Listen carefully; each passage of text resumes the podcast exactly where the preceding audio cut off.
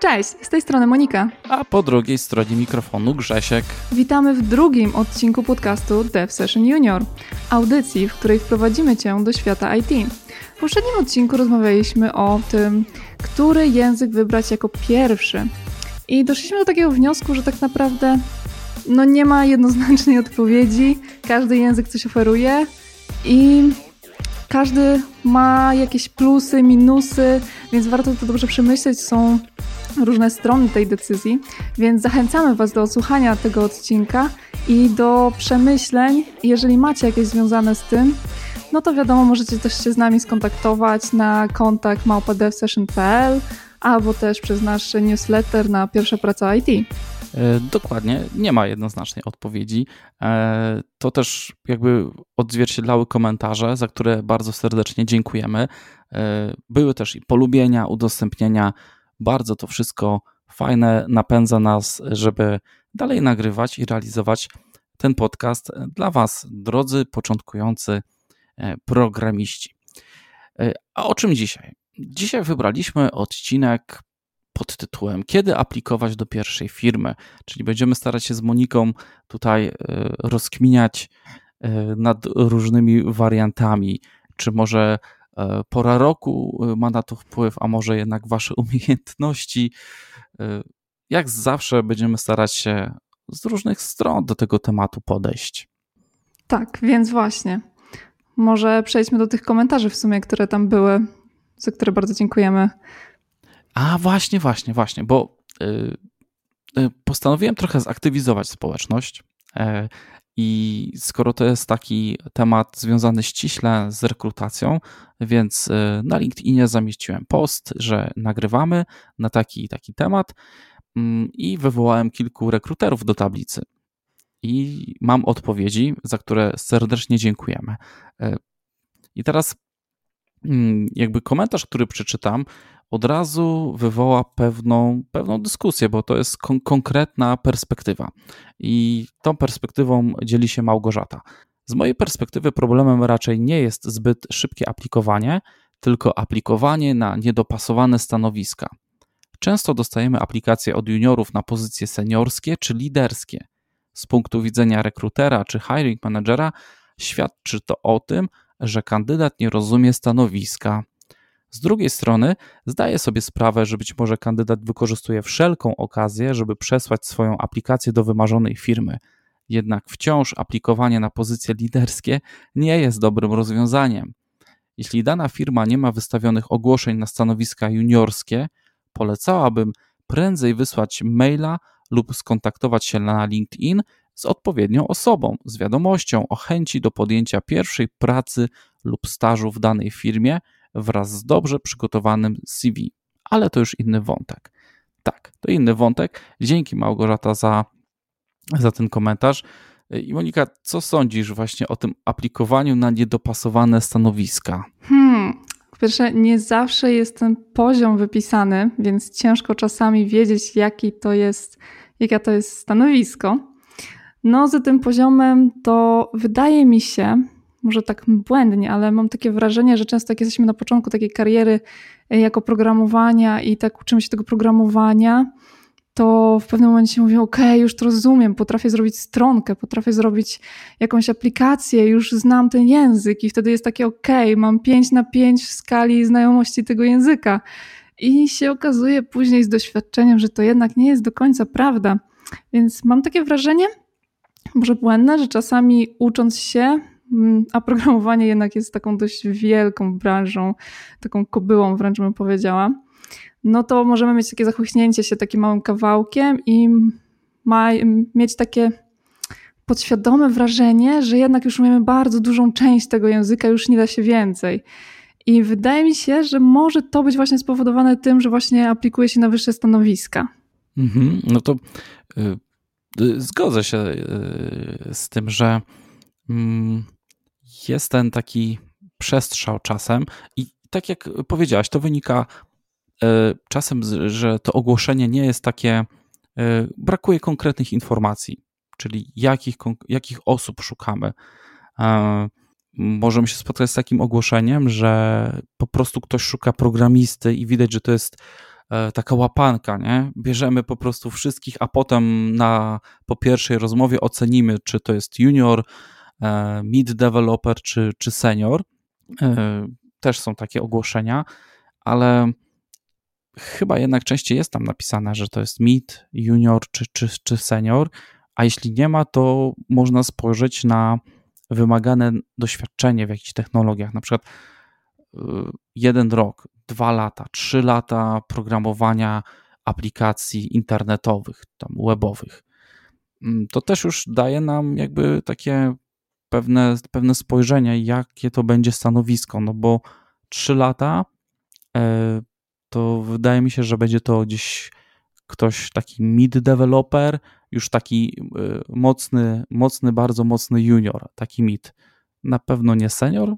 Pewnie się ktoś z mną nie zgodzi i powie, że 3 mhm. lata to już senior, ale, ale, ja jednak obstawiam, że to, jeśli mam się już trzymać jakiś stanowisk, że to będzie taki mid developer, średniak, mówiąc po polsku, tak nazywam.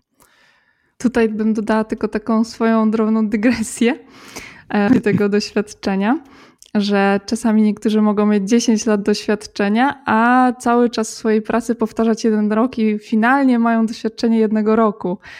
I nie wiem, czy się tutaj zgodzisz z tym, ale w niektórych firmach to tak niestety jest, że pracujesz przez 10 lat, ale tak naprawdę faktycznego doświadczenia masz rok.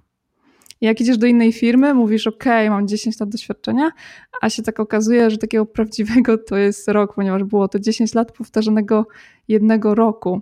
Ale to tylko taka drobna moja dygresja na temat doświadczenia. Ale ogólnie to się zgodzę z Tobą, tak, że zazwyczaj tak około trzech lat to jest taki bardzo mocny junior. Tak, tak się przynajmniej przyjmuje na rynku, z tego co zauważyłam. No a potem właśnie jest tak e, mocny junior mid i potem właśnie już później to senior. Ale z tymi ofertami też jeszcze tak e, jest czasami różnie. Może, może być to wynikać to aplikowanie wcześniej z tego, że często w ofertach pracy jest podane więcej rzeczy niż faktycznie jest na tym stanowisku i może po prostu to zniechęcenie czasami może wywołać szybsze aplikowanie, bo wiedzą, że na przykład część tak jest nieużywana i części nie muszą znać tak naprawdę. Mhm. Y, pociągnę zaraz tą dygresję, a jeszcze a propos tych, tych ofert pracy. Mhm. Wiesz, to, to, to, jest tak, że y, okej, okay, ktoś przestrzelił ze stanowiskiem, ale z drugą, w drugą stronę to jest też tak, że ja dostaję na przykład wiadomości, ty pewnie też, że rekruter w ogóle przestrzela e, z, z branżą, e, z językiem i, i też ze stanowiskiem. Tak, Więc tak, to, tak. To tak działa trochę w dwie strony. Widać, e, nie możemy, nie możemy się dogadać dwie strony czasem. Tak, to prawda. jeśli chodzi o to o, ogłoszenie. A wracając do dygresji, słuchaj, bo Bartek też napisał komentarz i to jest właśnie to, o czym wspomniałaś, o tym wiecznym juniorze. I posłuchaj jego historii. Pamiętam, jak szukałem pierwszej pracy w programowaniu. Pierwsze rozmowy były dla mnie druzgocące. Miałem wtedy prawie 10 lat takiego juniorskiego doświadczenia w obcowaniu z kodem, setki tysięcy linii kodu, ale nie obiektowego i nie z bazą danych. Nie mogłem się przebić przez sito. Ktoś mi nawet powiedział, że nie szuka aż takiego juniora. A prawda była taka, że nie potrafiłem się zaprezentować. Za wcześnie dla mnie na pewno nie było, natomiast niezrozumiałe dla mnie były kryteria oceny. Zobacz, jaka sytuacja. Prawie 10 lat takiego juniorskiego doświadczenia. To jest y, temat na y, ciężko taki temat y, w, w podcaście dla początkujących programistów powiedzieć, bo to jest chyba mm, troszkę inny problem. Tak, tak, tak. Właśnie takiego zastania się i powtarzania tego samego doświadczenia przez kilka lat, co prowadzi do braku rozwoju. Gdybym miał to przenieść na mm, takie życie codzienne, e, to takie prace, e, które gdzieś są w fabrykach, tak? Ktoś codziennie pakuje, nie wiem, zapałki do pudełka i robi to przez rok, no to tutaj jakby nie ma rozwoju, nie? Cały czas stoimy w miejscu, powtarzamy codziennie to samo. To też tak strasznie spłucając, ale do tego jakby nawiązujemy i do tego chyba Bartek też chciał nawiązać. Wydaje mi się, że tak, ale no, to jest taka drobna dygresja właśnie później, jak się z doświadczeniem widać, to tak naprawdę, że czasami to doświadczenie jednak ta, ten przestrzał nie jest jednoznaczny, tak? Niestety. Mhm. Mm, I wiesz co, i, i, i jeszcze zanim, zanim, zanim, e, drodzy juniorzy, początkujący programiści, wrócimy do tematu odcinka, bo trochę odbiegliśmy, ale my tak już mamy. E, Kamila bardzo ciekawy też komentarz napisała, ale on ma naprawdę powiązanie z, z tematem. E, uważa, że nie ma tutaj jednej dobrej odpowiedzi i zawsze zależy to od konkretnej osoby firmy, a dodatkowo pewnie ilu ludzi, tyle punktów widzenia. I jeśli chodzi o, o tego juniora, to co ja zauważyłam, to, że każdy chce być od razu juniorem. A ja bym się cofnęła jednak o ten jeden krok wstecz i zaczęła od praktyki czy stażu. I to jest według mnie właśnie bardzo istotna sprawa, że tak trochę pewnie w pogoni nie chcę wszystkich oceniać za, za kasą, za etatem, za normalną pracą. Ktoś, kto dopiero zaczyna jakby swoją przygodę y, zawodową z programowaniem, od razu chciałby być juniorem. No i też pewnie taka osoba, która się przebranżawia. To wyobraź sobie, ktoś pracował 10-15 lat, e, zarabia hajs, y, jest, miał etat i tu nagle się przebranżawia, no ale to co, mam iść na, na staż, nie wiem, na miesiąc, miesięczny staż darmowy, chociaż teraz już są płatne, no bo traktują to jako, jako pracę. Ale trochę, trochę tutaj rozumiem ten e, punkt i do czego jakby Kamila zmierza, żeby jednak wziąć pod uwagę i troszkę się e, ten krok tak, wstecz no bo wykonać. jednak jak już jesteśmy, chcemy aplikować na to stanowisko juniora, no to jednak tą wiedzę jakąś podstawową powinniśmy mieć, tak? A jednak staż lub praktyki no, praktyki no to wiadomo, tak, no to jednak jak już jesteśmy, uczymy się, ale no ten staż, no to nie musimy mieć aż takiego doświadczenia, tak, o, to w tym stażu chodzi jednak, żeby jednak się podszkolić i tak dalej, więc to jest jakby etap przed. Nie każdy może sobie faktycznie na to pozwolić, bo wiadomo, jeżeli już pracowaliśmy gdzieś, no to przebranżowienie, tak jak właśnie wspomniałeś, no jest dużo trudniejsze, bo na stażu no ta stawka pewnie też nie będzie, o ile w ogóle będzie, tak, dla nas zadowalająca. Ale no często właśnie aplikujemy, powinniśmy mieć jednak tą jakąś wiedzę podstawową idąc na tego juniora i właśnie to jest, wydaje mi się, że nadal to tym zachłyśnięcie się trochę, że jednak troszeczkę potrafimy coś zrobić i od razu okej, okay, już umiem wszystko, już znam ten język na wylot i jest takie okej, okay, takie czucie się pewnie i aż właśnie nie aplikowanie, tak jak właśnie tutaj e, wspomniany jeden komentarz wcześniej, że nawet aplikowanie na wyższe stanowisko, tak. E, raz będąc na właśnie jednym meetupie, Mm, była poruszona właśnie też kwestia pracy w IT, początku w IT, bycia juniorem. I wyszła kwestia stawek, i jak się okazało, że stanowiska juniorskie na przykład mają niektóre stan- e, kwoty niższe niż praca w biedronce. I było takie, okej, okay, no po co mam się przebranżawiać do IT, skoro na kasie w biedronce nie ucząc się, mam dokładnie tą samą kwotę. Więc może też z tego wynika fakt, że się nie aplikuje też na tego juniora, tylko na stanowisko wyższe, gdzie jest ta kwota jednak wyższa. No, no powiem ci, no dobra, no taka dziwna dyskusja o OK, tak, porównywaniu tak, to akurat e, stawki do Biedronki. No dobra, ale czy nie wiem, na pozycji juniorskiej pracuje się do 23 i macha się paletami? No chyba nie, no to e, to akurat była dygresja poruszona przez jednego uczestnika na tym meetupie. E, właśnie to jest właśnie, chodziło mhm. mi tylko o pokazanie takiego punktu widzenia, tak? Osoby, która właśnie chciałaby się przebranżowić. I tak moje, mm, może nie wnioski, tylko może takie moje wewnętrzne przemyślenia, skąd może być taki powód właśnie, że jednak nie idzie na tego juniora, tylko właśnie aplikuje poziom wyżej. Może błędne, nie wiem, ale chciałam po prostu się podzielić tym przemyśleniem, mhm. jakie miałam po właśnie bycie uczestnikiem takiej sytuacji. Czyli tutaj jakby strzelam teraz stawkę ktoś powiedzmy w, w branży, nie wiem, budowlanej albo jakiejś przemysłowej zarabiał czwórkę, przebranżawia się e, i nie szuka stanowiska juniorskiego, na, za którym oferują na przykład 2,5 albo 3, tylko no, chciałby zostać minimum na tym samym poziomie, więc e, jakby wyżej troszkę celuje. Tak to mniej więcej możemy podsumować. Takie przynajmniej wrażenie odebrałam. Może błędne, nie wiem ale takie wrażenie odniosłam podczas bycia uczestnikiem tej konwersacji. Mhm. Powiedziałaś jedno ważne słowo w międzyczasie, wyłapała mnie wiedza. Wiedza. I teraz Kamila e, w komentarzu też się do tego odnosi. I ja mam do Ciebie pytanie, Monika. Jak może taki świeżak, możemy nazwać świeżak, nie, nie mówmy tak, taki początkujący programista, e, jak może zweryfikować swoją wiedzę? Właśnie, wiesz, już coś mu tam świta w głowie, że to jest może dobry moment na aplikowanie i teraz jeszcze chciałby się upewnić, jak tą swoją wiedzę może zweryfikować? Jeśli chodzi o programowanie, no to można zawsze mm, swój, swoją pracę gdzieś wystawić, tak? Mamy takie rzeczy jak GitHub, gdzie możemy na przykład wrzucić swój kod, dać do oceny, tak? Zweryfikować swoją wiedzę na tym już poziomie, takim typowym technicznym, tak? Czy na przykład coś rozumiemy i widzieć na przykład ile komentarzy na przykład dostajemy z poprawkami, tak? To daje nam jakąś świadomość, ile jeszcze powinniśmy się nauczyć, tak? Mm, też możemy na przykład e, poszukać kogoś, wydaje mi się, w danej firmie, o ile jest taka możliwość znalezienia. Nie wiem, czy spotkałeś się z czymś takim, ale e, na przykład jak chodzę, organizuję też meetupy w ramach Women Technology, na przykład nasi e, prowadzący zachęcają na przykład do napisania do nich i na przykład, że pomogą, można się ich podpytać tak po prostu. Więc może to jest dobry sposób, żeby też można by było sprawdzić swój poziom wiedzy, czy to jest już odpowiedni.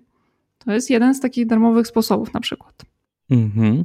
Mi tu do głowy teraz tak przyszło, wiesz z czego ja jeszcze kiedyś korzystałem? Jak tak po, po, po latach gdzieś e, szedłem na rozmowę i wiedziałem, że dostanę jakieś dziwne pytania o oprogramowanie obiektowe, takie rzeczy, po prostu quiz w internecie. Są quizy programistyczne. Nie wiem na ile to weryfikuje, ale umówmy się, że jeśli totalnie nic nie rozumiesz z tego quizu, no to jeszcze nie jest dobry moment. Jeśli już coś tam świta e, i pewne, na pewne pytania jest się w stanie e, jakoś tam odpowiedzieć, to już jest lepiej. Aczkolwiek z tymi quizami to, no to są takie pytania takie czasem akademickie, jak na egzaminie, nie?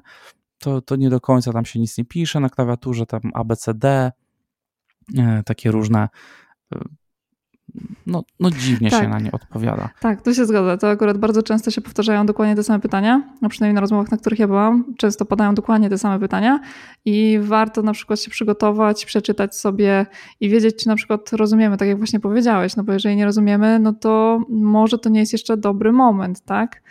Więc dobrze zrozumienie tematu, e, poczytanie sobie, co jest na takich rozmowach rekrutacyjnych do pierwszej pracy na stanowiska juniorskie właśnie. No jak już wiemy, jakie są pytania, no to sprawdzenie, czy rozumiemy to, czy potrafimy komuś wytłumaczyć to, o co chodzi. Więc tak, tutaj się z Tobą kompletnie zgodzę, że to mhm. jest bardzo dobry pomysł. Tak, i właśnie o tym pomyśle też wspomina Kamila, to jest y, dalsza część jej komentarza. Uwaga, czytam. Moim zdaniem warto aplikować wtedy, gdy jesteśmy przygotowani do rozmowy o podstawach gdy potrafimy o tych podstawach opowiedzieć, tłumacząc je innym, bo wtedy faktycznie je rozumiemy. Z moich obserwacji wynika, że osoby początkujące często na podstawowe pytania teoretyczne dotyczące programowania odpowiadają, że znają temat, ale brakuje im słów, żeby o tym opowiedzieć. Warto też mieć w sobie pokorę do nauki, a to wymaga pewnej dojrzałości. Tak, to prawda.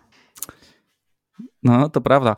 I, I, widzisz, to jest właśnie, to jest to, jest to czyli e, tak, tak, ja to znam, ja to znam, a to powiedz coś więcej a, i, i, to jest koniec wypowiedzi i nastaje cisza.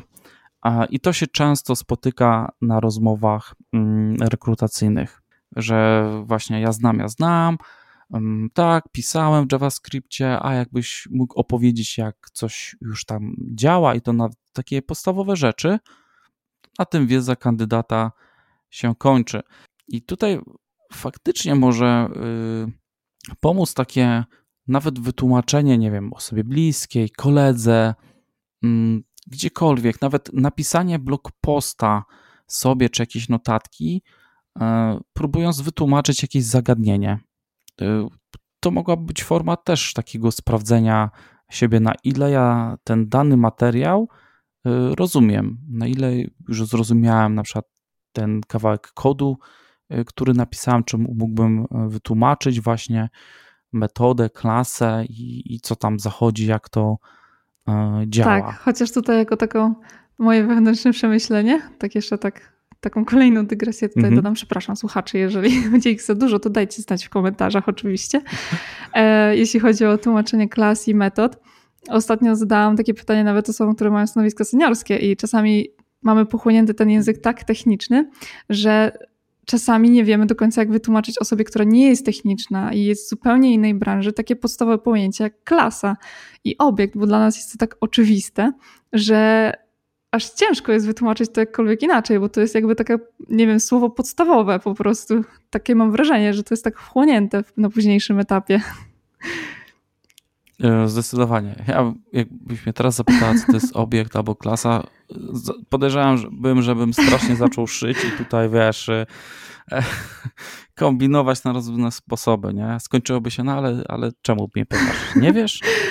Tak, właśnie. To jest takie dość ciekawe i podchwytliwe. Właśnie jak ostatnio się zastanawiałam podczas organizowania bootcampu e, takich podstawowych pojęć, w sumie jak, się jak w sumie wytłumaczyć taką klasę osobie, która chce się przebranżowić i obiekt, to, to w sumie nie jest aż takie proste, bo się mm, wciągamy ten język jako takie podstawowe słownictwo tak naprawdę. A właśnie, a propos słownictwa, to też jest bardzo mm, fajny sposób zwalidować swoją wiedzę przez na przykład, czy znamy dane podstawowe pojęcia, bo czasami na takiej rozmowie rekrutacyjnej mogą paść pewne pojęcia, słowa klucz. I teraz pytanie, czy my je znamy?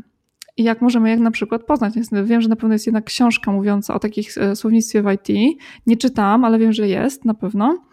E, wiem, bardzo fajnym też sposobem jest na przykład słuchanie podcastów, takich już dla bardziej zaawansowanych e, deweloperów, no w sensie dla midów, albo też seniorów. I na przykład wyłapywanie tych słówek, które nie rozumiemy. I na przykład możemy wtedy tak troszeczkę, że tak powiem, zabłysnąć na takiej nawet rozmowie rekrutacyjnej, że znamy dane słownictwo, wiemy o co chodzi, możemy potem o tym słowie poczytać, chociaż niektóre słowa ciężko jest wyszukać, co tak naprawdę znaczą, w internecie, ale no, wydaje mi się, że to jest e, fajny sposób na poszerzenie swojego słownictwa technicznego i też fajny sposób właśnie na zdobycie tej wiedzy i zobaczenie, czy na przykład ile słów z danego podcastu dla mid deweloperów już jesteśmy w stanie zrozumieć i czy już jesteśmy bliżej, żeby na przykład na tej rozmowie tak lepiej wypaść tak naprawdę. Mhm. No to, co powiedziałaś, to nawet na, na, jakiejś pierwszej e, rozmowie, takim screeningu, można zabłysnąć, bo można kilka takich, takich wiesz, fajnych słówek rzucić i, to może jakby trochę przekonać, no ale za tym musi być pójść jakby to wytłumaczenie, że e, wiesz jak to jest na, na rekrutacjach, nie? A, powiedział pan tu takie fajne e, słówko, Możemy o tym troszkę więcej porozmawiać, albo wytłumaczyłby by pan, pani nam, co to oznacza? A, I tutaj jest, wiesz, kończy się rumakowanie. Tak, ja właśnie dlatego podkreślam, żeby później sobie wygooglować i upewnić się, czy rozumiemy dane słowo, tak?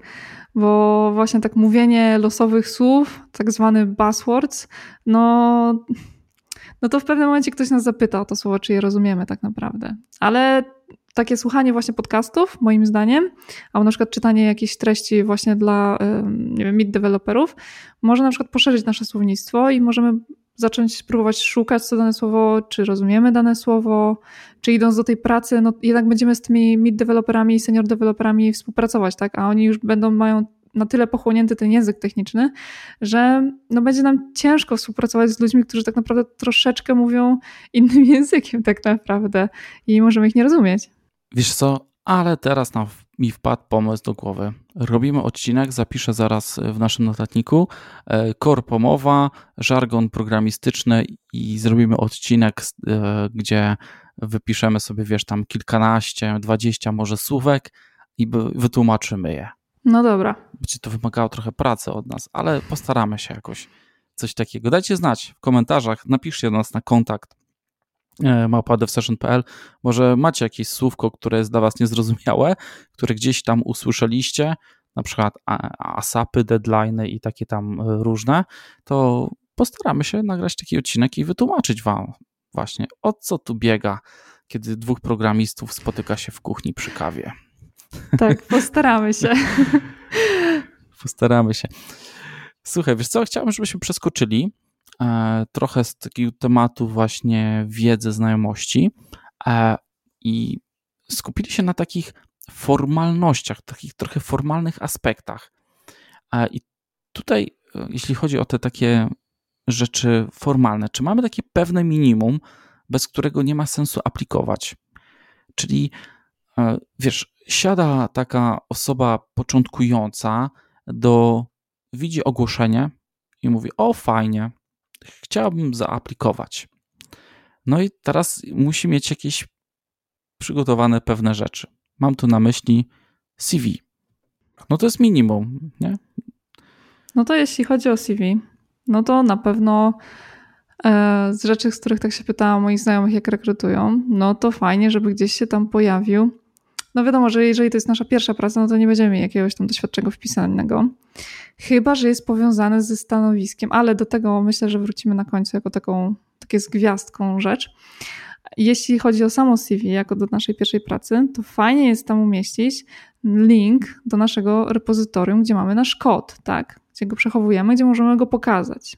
I tutaj, jeśli chodzi o kod, to jeszcze chciałabym tylko tak dodać, że no, jeżeli taka osoba, która rekrutuje nas, spojrzy, że ten kod był stworzony, nie wiem, dwa dni temu, no to wie, że tylko ubiegamy się tak naprawdę o tą pracę tylko, a nie że tak, to jest nasza pasja, chcemy to rozwijać i informatyka nas interesuje, więc jeżeli na przykład mamy repozytorium, które kod udostępniony dłużej niż, nie wiem, te dwa dni i mamy na przykład przez trzy miesiące i rozwijamy go, to na pewno lepiej to wygląda, więc warto dając to do CV Link, do takiego swojego projekciku, do Sfolio, warto mieć tak to z tyłu głowy, że jednak rekruterzy na to patrzą, kiedy ten kod został utworzony i czy nad nim pracowaliśmy. Czyli e, ten nasz projekt gdzieś udostępniony, ok, widzę jego rezultat końcowy, jestem teraz rekruterem. Załóżmy, że e, dostałem Monika twoje CV, nie, nie znajdę nic o tobie w internecie oprócz tego, co mam w CV, nie? E, I wchodzę na jakąś stronkę, to widzę portfolio, ale jeszcze jakby był właśnie jakiś projekt gdzieś udostępniony, kod źródłowy, na przykład na portalu GitHub, GitLab, gdzieś w sieci i tam historia, jak on był rozwijany, to jako rekruter mogę to traktować jako takie Twoje doświadczenie. Jak Ty rozwijałaś się, jak praktykowałaś e, w zaciszu domowym, no bo... To pokazuje ładnie naszą historię, nawet jak na przykład się rozwijamy, tak? Ja na przykład patrzę na niektóre swoje projekty, gdzie na przykład siadam przy czymś, coś zrobiłam, później siadam tego dwa lata później i zupełnie inny kod piszę, tak? I na przykład widzę tą zmianę, jak się jak to ewoluuje, tak? Tutaj mamy juniorów, no ale to też ewoluuje, tak? Na początku zrobimy jakąś malutką rzecz, tak? Potem możemy to zmieniać, więc widać, czy na przykład się tym interesowaliśmy, żeby to polepszać, zmieniać, modyfikować. Więc ta historia jednak, którą widzimy przy zmianie tego kodu, którą udostępniamy na przykład na GitHubie, jest dla rekrutujących nawet istotna, przynajmniej dla tych technicznych, tak? Mhm, to zdecydowanie. Ja y, rekrutowałam niedawno osobę właśnie początkującą. Fakt, że już z takim e, kilku chyba miesięcznym doświadczeniem i ten kandydat miał bardzo dużo e, repozytoriów na GitHub, ale muszę przyznać, że e, tak jak mówisz, wgryzłem się w te repozytoria, przeglądałem historię. Jedno repozytorium było takie, mm, do którego miałem trochę mm, takich wątpliwości. I na czym one polegały? Że tam kontrybuowało kilka osób. A, I wiesz, i to już taka lampeczka, aha, to ile ten kandydat zrobił kontrybucji, bo tu widzę jakiś taki koleżeński projekt był, nie? Więc yy, no, to jest tak, że my tam patrzymy, szczególnie osoby techniczne lubią tam zajrzeć, no bo yy, obcują z tym na co dzień, z GitHubem, z repozytoriami kodu yy, i to jest dla nich chleb powszedni, takie przeglądanie, więc e, no wiadomo, to taka trochę praca śledcza, nie? Trzeba wykonać trochę takich e, rzeczy i e, tam jest szukanie pozytywów, ale wiadomo, kilka haczyków też fajnie znaleźć, nie? Tak, tak. No dobra, no to mamy pierwsze minimum.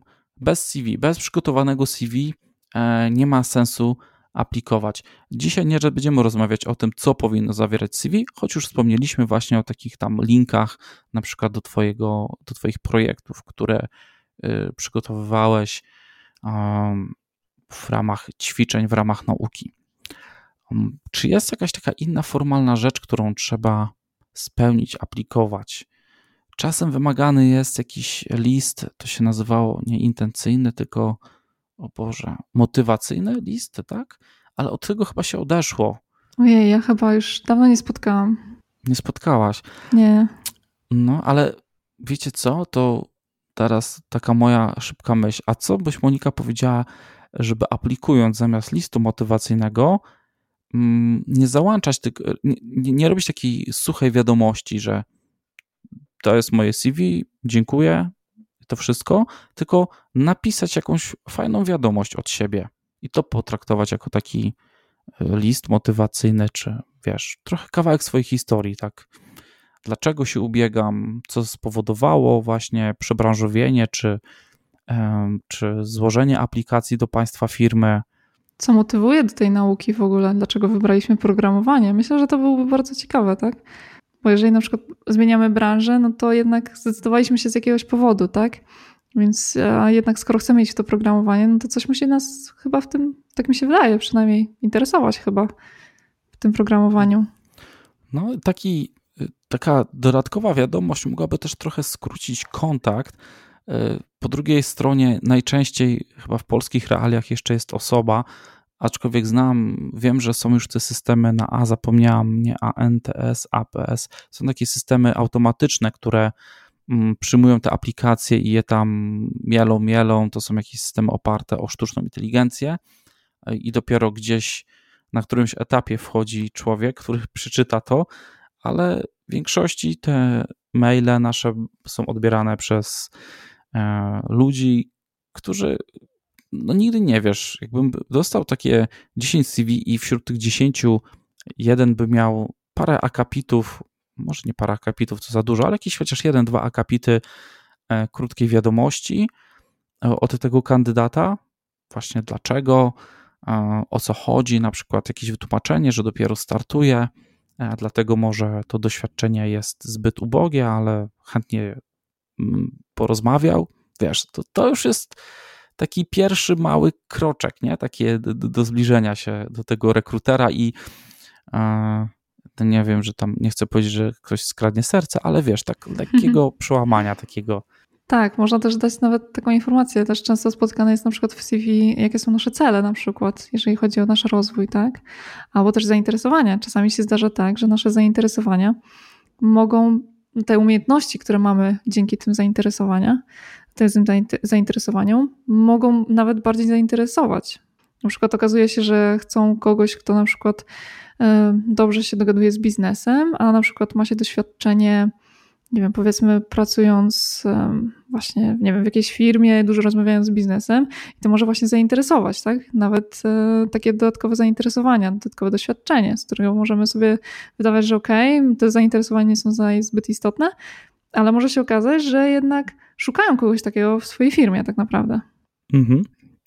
Um, tak myślę, czy do takiego pewnego minimum, bez którego nie ma sensu e, wysyłać CV i przepalać swoich cennych minut i, i nerwów no, w oczekiwaniu na odpowiedź, jest jakaś taka chłodna kalkulacja, czyli na ile e, spełniam te wymagania, no już teraz tak bardzo bym powiedział, mocno pojadę. No, stanowisko jest na junior e, Python dewelopera, a ty rozwijasz się e, jako JavaScript e, programista, czyli uczysz się języka JavaScript. To są dwie różne bajki. No i tutaj nie oczekiwałbym odpowiedzi. Raczej od rekrutera to jest totalnie przestrzelone. Musiałby, nie wiem, co się stać, żeby rekruter wrócił, skoro szuka konkretnie Python dewelopera. Tak, no powinniśmy wysyłać na takie oferty pracy, na taki język programowania, no, z którego się uczymy, tak? Jak ja na przykład znam PHP, no to będę aplikować na PHP, na stanowisko z językiem PHP, a nie na przykład na JavaScript albo Python, tak? Więc to jest takie, powiedziałabym, pierwszy punkt na liście no nie warto po prostu. Chyba, że się akurat tak złoży, że akurat są dwie oferty na Pythona i PHP, no i akurat się trafiło przypadkiem, tak? Ale no jeżeli widzimy konkretną ofertę na język PHP, a my go nie znamy, no to no chyba wydaje mi się, że nie, nie możemy się dziwić, że nie dostaniemy odpowiedzi, tak? Znaczy, wiesz, trochę nie jestem jakby w skórze i ty i ja nie jesteśmy w, e, w skórze tych osób początkujących. Chętnie może byśmy kiedyś tu zaprosili. Ja już kiedyś w tej serii Modzi IT tam przeprowadzałem rozmowy właśnie z takimi e, świeżo upieczonymi programistami, ale mm, nie wiem, czy to też nie wynika, że na pewnym etapie wchodzi, wiesz, jakaś mocna frustracja i już jest taki totalny spamowanie, wysyłanie po prostu gdziekolwiek, żeby ktoś odpowie, wiesz, odpowiedział i taka huśtawka i czekanie, e, czy będzie ta odpowiedź. Nie wiem, czy nie warto, czy nie lepiej ten czas poświęcić na, na choćby na rozwój, poprawienie, nie wiem, profilu na LinkedInie, na zrobienie swojej strony, wizytówki, na cokolwiek, niż takie na ślepo strzelanie e, tym CV, nie?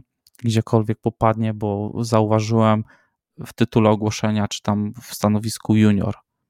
Tak, tu się zgodzę. No, powinniśmy wysłać kilka, jeżeli nie dostajemy odpowiedzi, no to może faktycznie jednak to nie jest dobry moment, żebyśmy aplikowali, więc to nawet bym potraktowała właśnie jak taki sygnał nawet, że okej, okay, na 10 ofert nie dostałem żadnej odpowiedzi, nie dostałam. I może jednak powinnam się więcej nauczyć do tej, tego stanowiska juniorskiego i może jednak troszeczkę więcej czasu nad tym spędzić. Może jednak to nie jest ten moment. A może w ogóle to nie jest dobry moment w kalendarzu po prostu. A właśnie. Co masz na myśli? Dobry moment w kalendarzu? No na przykład święta, wakacje. To nie jest najlepszy moment, żeby złożyć CV na przykład, moim zdaniem. Mhm, tak, tu się zgodzę. A wysyłanie CV w, nie wiem, 25 grudnia e, chyba nikt go nie odbierze, a jak przyjdzie po nowym roku, po przerwie świątecznej, prawdopodobnie będzie tyle e, różnych innych maili na skrzynce, łącznie z tymi e, gratulacjami, nowy rok, życzenia tak. świąteczne, że, że, mo, że może się, się zagubić. Więc tak, chyba są takie jeszcze. Pewnie by się znalazło. No, przed wakacje, kiedy rzeczywiście jest troszkę wygaszona e, ta rekrutacja. Mm, no, święta to chyba rzeczywiście takie, te przerwy takie świąteczne, tak. nie? Są takie. Jeszcze pewnie by się znalazły jakieś inne dni. Ja dodam jeszcze tylko taką jedną, bo ja akurat trafiłam na taką e, niespodziewaną w sumie. Nie, nie myślałam w sumie o tym, e, bo aplikowałam do jednej firmy, która właśnie zajmowała się, ma sklep internetowy. I zbliżał się Black Friday. I to też nie jest dobry moment, żeby aplikować.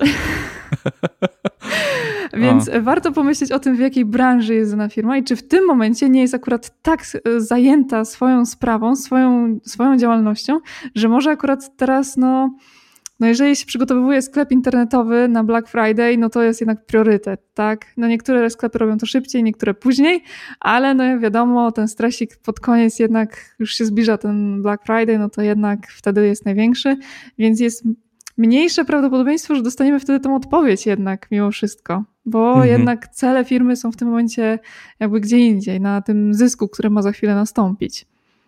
Więc warto spojrzeć na to, czym się zajmuje ta branża i czy czasem nie ma tam jakiegoś boomu właśnie, który zaraz nastąpi.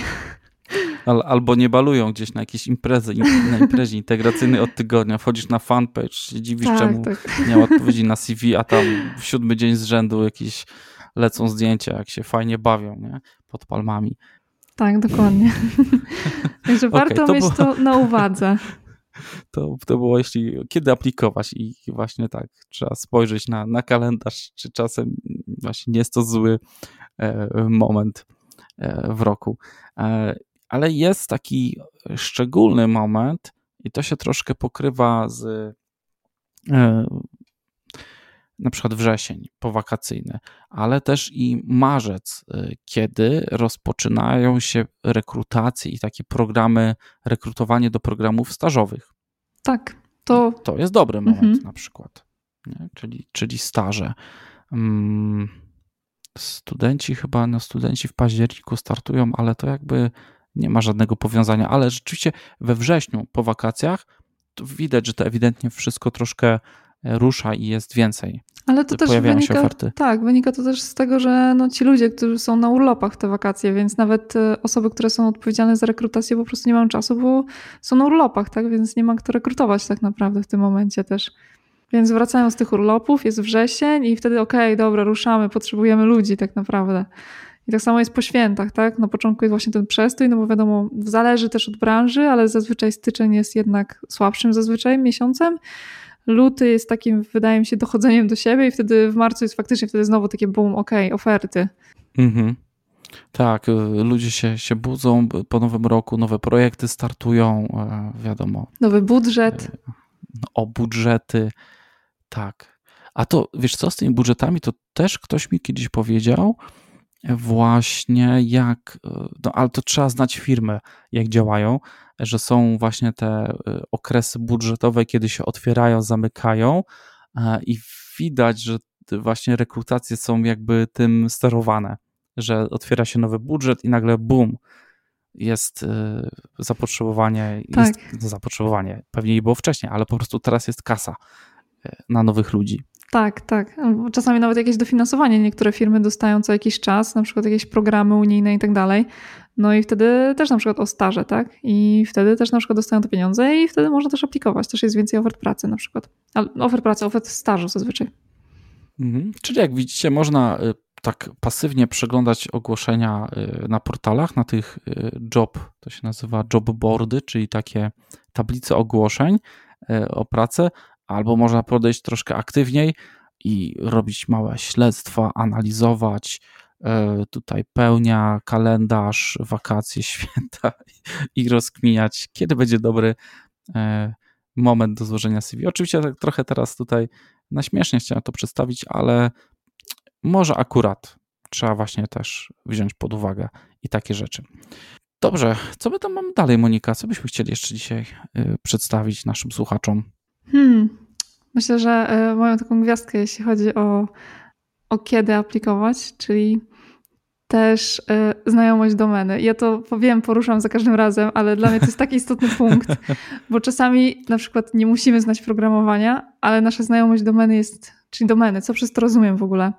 Rozumiem przez to e, jakąś działalność, tak? Na przykład gastronomię albo hotelarstwo. I na przykład pracowaliśmy tak długo w tej branży, że znamy ją tak dobrze i ta branża właśnie jest tą domeną dla nas, czyli biznesową, czyli w tym momencie hotelarstwo, gastronomia, sklepy internetowe, tak? I znamy na tyle dobrze tą mm, branżę, że dla przyszłego pracodawcy nasza znajomość tej branży jest czasami istotniejsza. I znam kilka takich przypadków właśnie, że znali programowanie na bardzo, bardzo niskim poziomie, także nawet na juniora by ich nikt nie zatrudnił, ale znajomość tej branży była dla nich tak istotna, bo mieli, znali ją tak na wylot, że woleli zatrudnić ich, bo już tak dobrze znali tą branżę i dokształcić ich, niż w drugą stronę, bo niektóre branże, no na przykład hotelarstwo i gastronomia, ok, to może nie są aż, może nie wiem, w sumie, może źle teraz mówię, ale są na przykład też bardziej skomplikowane branże, jak na przykład e, geodezja, tak, a gdzie na przykład mapy tworzymy jakieś drogowe. I czasami bardziej się opłaca dokształcić właśnie geodetę, żeby potrafił zaprogramować tą mapkę, niż na przykład programistę, żeby pojął właśnie to wszystko, co się dzieje z tymi wszystkimi mapami i tak dalej. Więc czasami warto wyjść od tej drugiej strony. Ale to są naprawdę bardzo sporadyczne przypadki tak naprawdę i trzeba mhm. tą domenę, czyli ten biznes znać naprawdę na wylot, żeby jednak temu rekruterowi zależało bardziej na naszej znajomości tego biznesu niż na znajomości właśnie programowania. Ale to jest takie naprawdę, to jest taka gwiazdeczka. Mhm. Tu idealną sytuacją, wiesz, do tego, e, do, tej, do tego przypadku, o którym mówisz, czyli ta znajomość domeny, by było, kiedy ogłoszenie, które e, widzę, jestem powiedzmy, czekaj, co, co mogłem robić? No strzelam, że nie wiem, jestem operatorem koparki e, i wchodzę i, i, pomyślałem o programowaniu, że chciałbym teraz się przebranżowić i fajnie było, jakby w ogłoszeniu widział, że to ogłoszenie jest do firmy, która na przykład produkuje koparki i szuka programisty, który wiesz, będzie wytwarzał, nie wiem, w tej firmie jakiś soft, nie wiem, do zarządzania produkcją, do e, wiesz, jakiś, e, mhm. może nie wiem, do marketingu, no cokolwiek, co się zahaczy o to, że ja jestem operatorem i znam ten sprzęt na wylot, nie? Znam jego słabości, bóle, wiem jak nim operować, Wiem na przykład, że firma ma słaby marketing lub, lub coś tam. E, rozumiesz, do, do, czego chyba zmierzam? Tak, czasami jest na przykład w ofertach pracy napisane, że mile widziane znajomość działania czegoś tam. I na przykład można wejść od tej strony. No, mówię, że to jest z gwiazdką, bo to naprawdę rzadko się zdarzy, ale znam takie przypadki, więc. Właśnie, bo to jest często ukrywane ostatnio. Jeśli ogłoszenie przelatuje przez e, jakiś portal albo rekrutera, to w ogóle ja ubolewam nad tym, że nie jest pisane do jakiej firmy się aplikuje. Tak. Nie mam pojęcia, dlaczego tak jest. Znaczy, mam pojęcie, ale dlaczego tak rynek się wykształci właśnie w tym kierunku, bo to jest kurczę, tak chowana informacja po prostu niepotrzebnie według mnie, bo przez to y, nie, y, na to ogłoszenie nie ma dobrych potem odpowiedzi, nie ma dobrych kandydatów. Obydwie strony czasem tracą na tym tak naprawdę. No i ja na przykład, jak nie mam firmy napisanej, no to zawsze dopytuję i dopiero w sumie wtedy rozważam jakkolwiek, bo no jednak znajomość tego, co będziemy robić, no jest moim zdaniem dość istotna, tak? Na przykład, nie wiem, jeżeli ja bym miała teraz powiedzmy, że e, nie wiem, robiłam mikroprocesory, tak nie wiem, znam C i miałabym, nie wiem, robić teraz jakieś układy do auta, no to jest jednak zupełnie inna branża, tak? Więc no jednak poznanie tej branży, zrozumienie tej branży, no zajmie mi więcej niż jakbym na przykład poszła od jednego producenta laptopów do drugiego pracować, tak? No pewnie, że tak. Jakbym teraz zobaczył, jestem operatorem koparki i programuję po godzinach i widzę, że firma CAD, która robi tam fajne te sprzęty budowlane, szuka programisty, coś tam, no to wiesz, pff, od razu się wysyła, nie? Słuchajcie, jestem operator koparki, jeżdżę na waszym sprzęcie od pięciu lat. Super, uper, wiesz. No, może nie znam się jeszcze za dobrze na programowaniu, ale widzę siebie u was. I wiesz, i dostają takiego fana, nie? Po, tak, taki dobry tacy. marketing w sumie trochę. No, ale to w ogłoszeniu musi być wymienione, że, tak, tak. że, że, że, dla jakiej to jest firmy. Wiesz co, ja bym chciał jeszcze poruszyć jedną rzecz. Mm, właśnie trochę o tej wiedzy, no bo nie ukrywajmy, że to, co my mówimy tutaj, kalendarz, jakieś znajomości domeny, to ma, to ma wiadomo, to ma znaczenie. No ale naj, no wiadomo, że na 100% będzie weryfikowana e, ta wiedza. E, tu już wspomnieliśmy, jak ją zweryfikować. Quizy, przedstawianie, tłumaczenie komuś, e, nie wiem, kolegom. Możesz sobie nagrać filmik, można spróbować gdzieś jakąś krótką prelekcję dać na jakiś temat, a są takie juniorskie prelekcje, też można jak najbardziej nagrywać.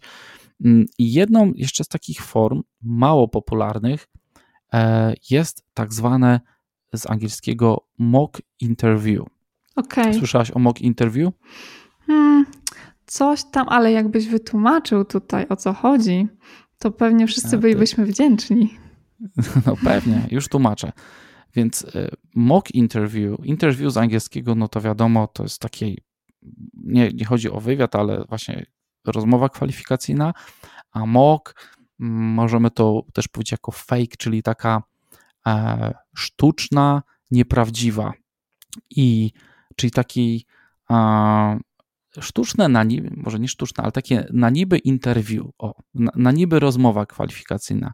I to można przeprowadzić jako taką formę ćwiczenia, e, czyli jest to normalna rozmowa, o, tylko że nie ma, nie niesie za sobą konsekwencji, czyli nie ma, nie, jakby rezultatem nie jest, czy ktoś cię przyjmie do firmy, czy nie, bo przeprowadza się najczęściej z jakimś kolegą programistą, z kimś, kogo gdzieś się poznało w sieci, a może też i właśnie z rekruterem, którego się gdzieś zahaczyło na LinkedInie i można poprosić albo gdzieś wystosować takie zapytanie. Chciałbym spróbować takiej rozmowy kwalifikacyjnej, takiej próbnej i szukam osoby, która by ze mną, nie wiem, sprawdziła szybko moje CV i na temat tego CV 15, 20, może 30 minut porozmawiała, przepytałaby mnie e, z tego, co mam w CV, czy właśnie będziesz w stanie to wytłumaczyć. Takie mock interview. Mm, nie jest to u nas popularne w kraju chyba. Znam tylko kilka osób, które gdzieś tam na Twitterze można zobaczyć, że od czasu do czasu wychodzą do społeczności programistycznej z taką e, ofertą, darmowego nawet czasem takiego mock interview i wtedy taki kandydat zanim zaaplikuje, gdzie już jest, wiesz, stres, y, trzeba po angielsku czasem coś powiedzieć i potem jest w ogóle już taka e, dolina, bo pięć minut przed rozmową dochodzi się do wniosku, że ja nic nie potrafię i w ogóle po co mi to było, e, więc taki mock interview myślę, że jest taką fa fajną formą właśnie przećwiczenia, spróbowania Tak, może w ogóle warto tutaj podlinkować, jeżeli nie mają te osoby nic przeciwko odnośnie, mhm. że można by było się do nich udać. Co o tym sądzisz? Dobra, dobra, dobra. Zapytać ja się zapytam, i... Ja zapytam i e, czy możemy e, podlinkować, mm, a wtedy wy, wy we własnej jakby już zakresie gadajcie z nimi i, i spróbujcie coś e, uzyskać. Mi wydaje się, że jakby taki potencjalny kandydat, y, taka osoba, która wchodzi, była aktywna gdzieś na LinkedInie, na jakichś grupach facebookowych i wyszłaby z taką propozycją, na pewno ktoś by się znalazł. Od czasu do czasu widać takie wrzutki, tu jest moje CV, czy moglibyście je ocenić? Ja wiem, że to jest duży krok dla takiej osoby, żeby, wiesz, pokazać publicznie swoje CV, żeby poddać się ocenie. E, no na takim na takiej rozmowie na niby, no to jest, jesteś jeden na jeden z kimś. Są pewnie jakieś małe nerwy, ale wiesz, ta ocena da ci dużo. Pokaże jakieś braki, ale też może pokazać, ej, słuchaj, ty już jesteś gotowy. Ty wytłumaczyłeś mi to, o co ciebie pytałem. E, twoje CV wygląda nawet nieźle. Nie ma za bardzo się tu do czego przyczepić. Dawaj, ruszaj w świat. Tak, brzmi to fajnie i tak bez stresu w ogóle. Znaczy się bez stresu w ogóle, no z mniejszym stresem niż jak już wiemy, że od tej rozmowy zależy to, czy zostaniemy zatrudnieni. Więc e, fajnie w sumie tak przejść taki mock interview. Tak mi się wydaje. Tak. No, y, bardziej doświadczeni programiści to wiem, że takie e, próbne interview lub takie sprawdzające interview chodzą sobie od czasu do czasu, czyli aplikują do firm, do których nie chcą iść. z góry, tak. do których nie chcą iść no ja mam podejście do tego takie, że no, przepalają czas y, tych działów tak. HR i, i kasę, e, wiedząc o tym, że nie chcą tam iść. No takie słabe trochę to granie. I Ale niestety spotykane. Spotykane. No, spotykane, nie? Żeby zobaczyć, zobaczyć jakie stawki, co tam w trawie piszczy, nie? W danej firmie takie, no, takie zagrywki. No ale okej, okay, zostawmy to. Dobrze, czyli ten mock interview. Ja postaram się podlinkować, a może znajdę nawet jakieś serwisy, które już to przeprowadzają. No chyba, że, mm, ale to nie ustalałem z Tobą przed odcinkiem, chyba, że my byśmy mogli kogoś zrobić mu taki interview. Nie wiem, w dwójkę albo. Ja myślę, że znalazłbym jakieś takie dla jednej osoby takie 30 minut. E, możemy, mogę tu teraz się zobowiązać o, dlatego kto napisze na kontakt małpa.devsession.pl e, z takim dopiskiem, że y, chciałbym, żeby to była osoba naprawdę początkująca. E, zgłosiła się na ten y, mock interview. Czyli jeśli chciałbyś, żebym przeprowadził z tą taką rozmowę, to pisz. Tak, chętnie Ale wezmę też udział. Zastrzeżeniem, że to jest osoba początkująca, czyli taka bez doświadczenia może z jakimś odbytym stażem, praktyką, ale bez komercyjnego doświadczenia e, w branży IT, w programowaniu. O, ale fajnie. No, zobaczymy, czy ktoś w ogóle napisze. Tak, też jestem ciekawa. W ogóle jeszcze chciałabym jeden taki punkt poruszyć. Mm, tak. Odnośnie tego, kiedy w ogóle aplikować. Więc często też nie czujemy się pewnie, więc dużo rzeczy tutaj poruszyliśmy, takich technicznych. Jeszcze jedna rzecz w ogóle mi tak przyszła do głowy to, czy potrafimy zrozumieć czyjś kod. Bo często wychodzimy z tego, że ok, piszemy swoją aplikację, piszemy swój kodzik, kod i go tam rozumiemy mniej lub bardziej, tak? Co tam się dzieje, co on robi i tak dalej, jak on funkcjonuje.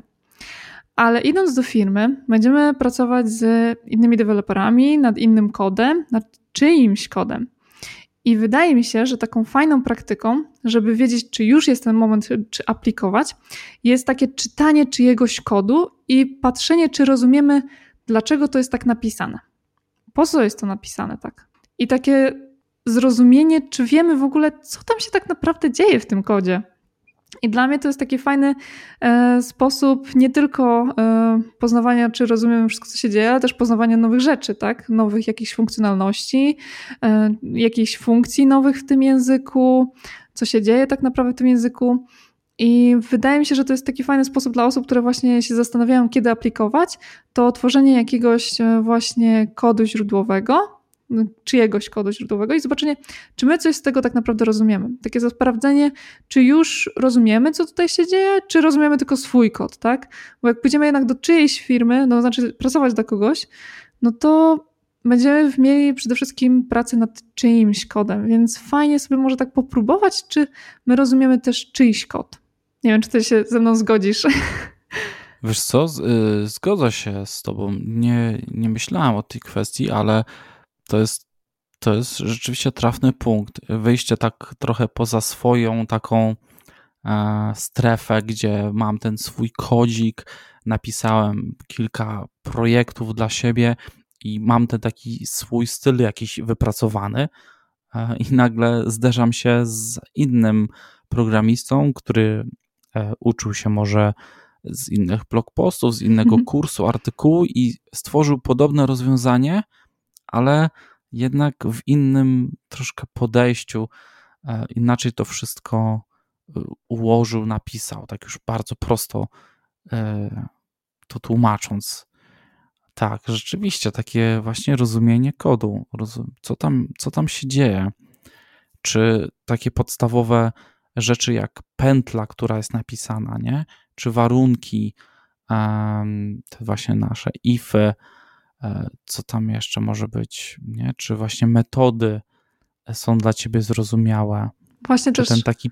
też tak słyszałam właśnie o takim sposobie, jak się przychodzi na rozmowę rekrutacyjną. Niektóre firmy dają E, takiemu aplikującemu na rozmowie rekrutacyjnej czyjś kod i się pytają, czy rozumie taka osoba. Więc to jest też takie kwestia przygotowania. Nie każda firma to robi, ale słyszałam już o takich firmach, które właśnie na takiej rozmowie z osobą, która startuje właśnie na stanowisko juniorskie, właśnie dają kod i pytają, czy ona rozumie i czy wie, jaki na przykład jest wynik tego rozwiązania, co tam się dzieje i żeby wytłumaczyć. Hmm. Wiesz co? Yy, chciałam sobie przypomnieć moją. Ty pamiętasz swoją pierwszą rozmowę o pracę? E, ojej, to było dawno temu. Dostałaś taki właśnie kod do przeczytania, czy coś takiego? Do przeczytania nie. Na pewno wiem, że musiałam napisać. Coś musiałam napisać, ale nie pamiętam, co to było. Ja, moja rozmowa o pracy odbyła się w samochodzie mojego szefa. O. W sensie podjechałem, on, wiesz, taki typowy zabiegany biznesmen, zajechał pod biuro, ja wsiadłem, dobra, dobra, przeskrinował CV, pogadaliśmy, pogadaliśmy, aha, tu się uczysz, to umiesz, to umiesz, dobra, dobra, okej, okay, dobra, odezwiemy się. I to było tyle.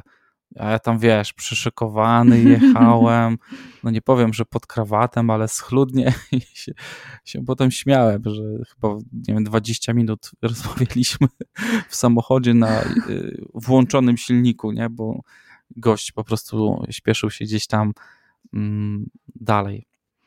Także, ale chyba no to były inne czasy. Dzisiaj, dzisiaj wątpię, że żeby tak wyglądała u kogoś e, rozmowa, ta pierwsza rozmowa e, o pracy, szczególnie w dużych firmach, nie? gdzie są działy HR i to jest wszystko już tak sformalizowane, że jest cały proces rekrutacyjny. No i kilka ułożony. etapów tak naprawdę.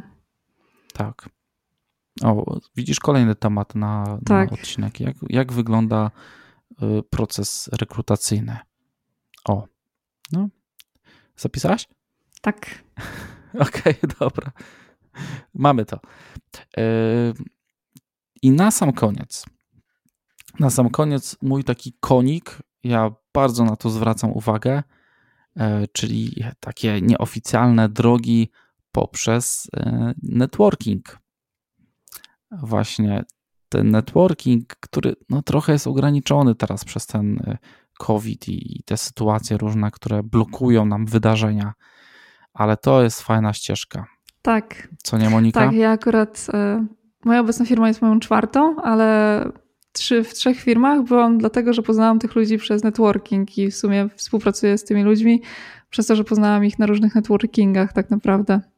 Więc mhm. tak, to na pewno jest tak. Ciekawa droga, jeśli chodzi o aplikowanie i poznawanie ludzi w branży. Ja w ogóle polecam ludziom, żeby chodzili na takie meetupy, poznawali, zwłaszcza też juniorom, bo poznają ten język, jaki jest posługiwany, więc o właśnie, oprócz podcastów też meetupy możą poznawać w ten sposób ten język, taki techniczny. Mhm. Dokładnie. I na takim meetupie pojawiasz się, drogi e, słuchaczu. E, nie mówię, że masz mieć ze sobą torbę CV, i rozdawać na lewo i prawo jak ulotki, ale, ale no wystarczy się pojawić, zagaić do kilku osób, powiedzieć, no uczę się, jestem na takim, takim etapie, w sumie nie wiem, czy, czy może już powinienem aplikować, e, no wiesz, porozmawiać o tym, o tych problemach, nie wiem, z nauką programowania, i ni z kruchy, ni z pietruchy trafisz na, a może trafisz na rekrutera i ci powie, ty słuchaj, wiesz co, szukamy takich osób, spoko, spoko, nie martw się, że tutaj masz jakieś braki, przyślij nam CV, nie? No nigdy nie wiadomo, co się wydarzy, kogo się spotka na takim meetupie, a y, po odcinku nawet y, w, w, tym moim głównym podcaście Dev Session z Elą Muściską wiem, że Ela jako rekruterka właśnie chodziła na meetupy programistyczne i są rekruterzy, którzy chodzą na właśnie takie spotkania dla programistów, bo chcą troszkę poznać e, tą, tą naszą domenę, że tak to nazwę. Tak, i też ludzi, bo często zauważam, że na przykład jak często chodzę na jakieś e, meetupy, to no rzucam się ludziom w oczy, tak, że jednak o, okej, okay, już widzę któryś raz, więc interesuję się tym, więc e, no warto, tak poznajemy tych ludzi, możemy podpytać się o coś, co to jest właśnie już nawet znalezienie jakiegoś potencjalnego nawet mentora może być, albo na przykład po zapytaniu o takiego mock interview na przykład, albo podpytanie mhm. jakieś dalej z tym wszystkim jakie kolejne kroki, co na przykład zrobić. To też jest bardzo często spotykane. Czasami na przykład po eventach e, idzie się na przykład na miasto i na przykład e, są takie rozmowy tego typu. Ok, to co mogę zrobić jeszcze, żeby to CV było lepsze, albo żeby iść w tym kierunku. Ok, jestem zagubiony, zagubiona w tym temacie, nie wiem co dalej. Mhm. Więc taki networking moim zdaniem jest naprawdę super i dużo daje. Dokładnie. Jakby byś gdyby ktoś ze mną tak poszedł na miasto i mi strzelił takie pytanie, że tu się przebranżawia i, i co tam dalej, ja, ja bym się otworzył i od tam od razu bym. No dokładnie. pomagał. No bo coś, coś jest takich w ludziach, że a, to dobra, ja tam bezinteresownie, to idziemy, rozmawiamy, dobra, to troszkę opowiem o swoim doświadczeniu i, i może go to natchnie i, i mu pomoże, tak, nie? To jest nie? tak właśnie takie piękne w tych wszystkich meetupach, że właśnie jednak idziemy tam można powiedzieć, tak, po prostu dla tego networkingu, żeby poznać tych ludzi, pomóc sobie wzajemnie, porozmawiać o tym wszystkim, tak, o tych problemach, jakie spotykamy tak naprawdę na co dzień.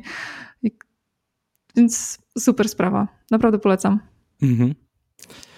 E, I drodzy nasi słuchacze, ja oczywiście zapomniałem o jednym e, komentarzu, a raczej tweetie od Michała. No, ale to wiadomo, głowa nie komputer, jak to mówią. Mogłem sobie to gdzieś e, zapisać. I, ale to będzie taka, słuchaj, e, to będzie e, fajne podsumowanie chyba naszej rozmowy. Okay. Uwaga, czytam, co napisał Michał. Jego pierwsze staranie właśnie o pracę. Dostałem zadanie w SQL-u plus książkę i dwie godziny, żeby napisać jakiegoś joina czyli tłumaczę. Michał dostał SQL, to jest taki język, który, e, w którym programuje się albo rozmawia się z bazami danych. Dostał książkę, miał dwie godziny, e, żeby napisać joina, czyli takie zapytanie, które połączy dwie tabele. Można powiedzieć, że jakbym tak tłumaczył jeszcze prościej, zapytanie, które, nie wiem, dwie tabele w Excelu e, nam gdzieś połączy, poszuka z dwóch tabel jakieś dane. I Michał nie wiedział wtedy, co to baza danych i nic nie zrobił kompletnie. Oczywiście nie dostałem tej pracy, tak napisał. Więc e, smutna historia. Miał książkę, miał dwie godziny e, i zadanie do wykonania. E, I Michał spuentował e, to tak. Kiedy aplikować? Im szybciej, tym lepiej. Czyli, czyli takie, takie podejście fail fast trochę. Hmm. W jakiś sposób to hmm. jest.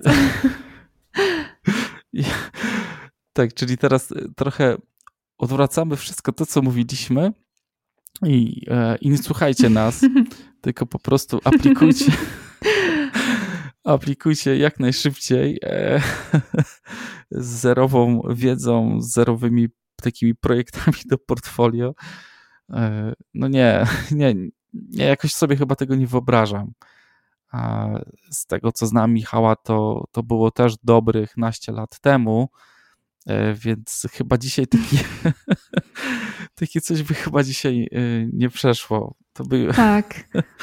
No, raczej wyobrażam sobie to tak, że trzeba by, słuchaj, chyba było Monika napisać jakieś mega wypasione CV, jakoś przekabacić tego rekrutera na tym pierwszym takiej telefonicznej rozmowie, dostać się na techniczną i tam taką kompletną porażkę zaliczyć. Nie?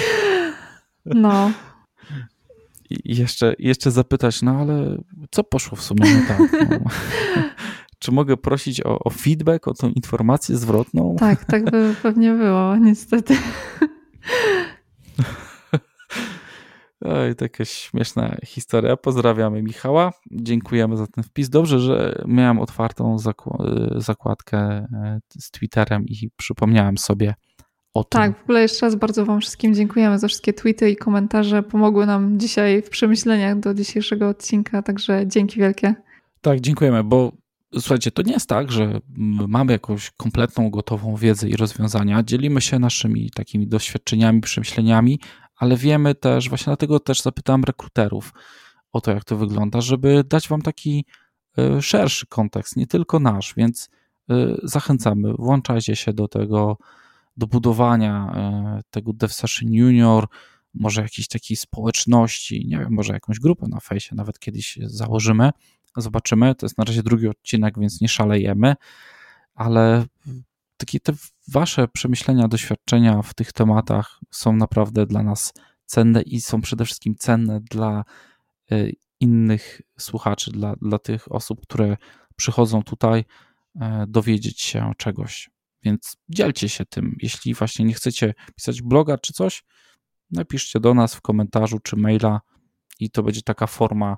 My będziemy takimi pośrednikami, przekażemy to, co macie do powiedzenia innym osobom. Tak, dokładnie tak. Dobra, Monika, to dzisiaj Tobie e, przypadnie e, zamykanie odcinka, czyli możesz podsumować, pożegnać i zaprosić na następny, a ja już chyba się wyłączam, bo dzisiaj dużo gadałem. No dobrze. No to więc tak podsumowując, kiedy aplikować? Więc e, warto mieć już jakąś tam podstawową wiedzę, weryfikujemy ją w ten sposób, że możemy spróbować mock interview, czyli formy takiego, jakby to powiedzieć, sztucznego interview, które nie jest prawdziwe i faktycznie nie rekrutujemy się, tylko jest to takie próbne interview. Możemy, warto mieć też swoje repozytorium ze swoim kodem gdzieś wystawione, na przykład na GitHubie, Warto czytać czyjś kod, sprawdzać, czy rozumiemy. Warto też słuchać jakieś podcasty, czytać blogi i weryfikować to, czy rozumiemy dane słownictwo, na ile rozumiemy dane słownictwo, poszerzać to słownictwo. I wtedy, gdy już mamy już pewną, pewien poziom, że ok, już rozumiemy coś, już e, rozumiemy ten kod, rozumiemy pewne słownictwa, już umiemy coś za, napisać jakąś aplikację, to wtedy jest ten moment, moim zdaniem, żeby spróbować i zaaplikować. Więc ja dziękuję tutaj w imieniu nas obojga za dzisiejszy odcinek, za to, że byliście z nami i zachęcamy do słuchania kolejnego naszego odcinka, który pewnie będzie za dwa tygodnie. Za dwa tygodnie, dokładnie. Ale jeszcze nie zdradzimy Wam tematu. Śledźcie nas w social mediach.